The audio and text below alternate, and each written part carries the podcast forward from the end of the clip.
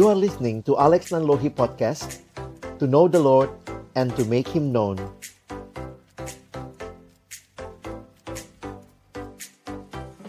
Setiap cerita tentunya punya permulaan.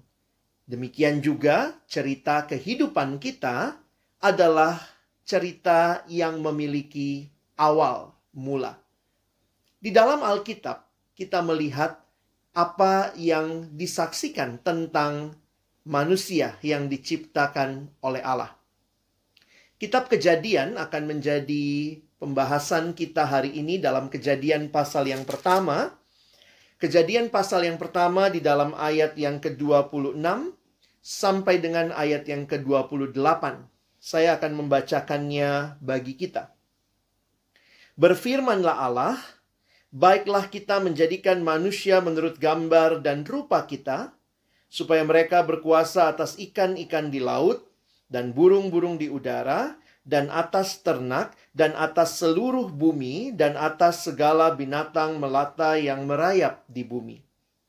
Maka Allah menciptakan manusia itu menurut gambarnya, menurut gambar Allah diciptakannya dia, laki-laki dan perempuan, diciptakannya mereka.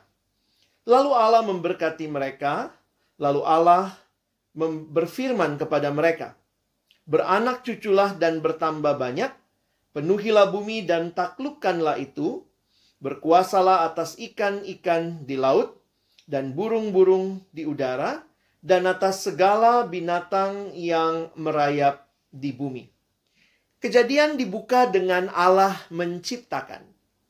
Teman-teman yang dikasihi Tuhan, kita percaya bahwa ada Allah. Allah yang hidup, Allah yang hadir, dan Dia Allah yang menciptakan segala sesuatu.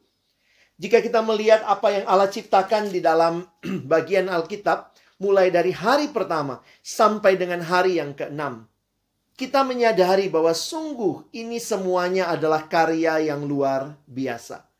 Ketika kita melihat karya yang agung, tentunya kita akan mengagungkan penciptanya. Melihat langit, melihat gunung-gunung, melihat lautan yang begitu luas. Sebenarnya ini semua menyadarkan kita bahwa ada Allah yang menciptakan segalanya, Allah yang memiliki segala-galanya. Nah, apa yang sering kali menjadi bagian dalam kehidupan manusia modern yang semakin hari semakin pintar, yang kemudian merasa sayalah Allahnya. Karena saya bisa melakukan segala sesuatu, saya pun bisa menciptakan dan manusia sering kali lupa bahwa manusia bukan Allah. Firman Tuhan mengingatkan kita betapa terbatasnya manusia.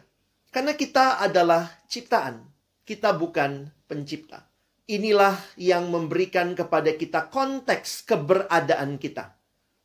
Ada kalimat yang mengatakan, tanpa manusia, Allah tetap Allah. Tapi tanpa Allah, manusia bukanlah siapa-siapa. Without man, God is still God.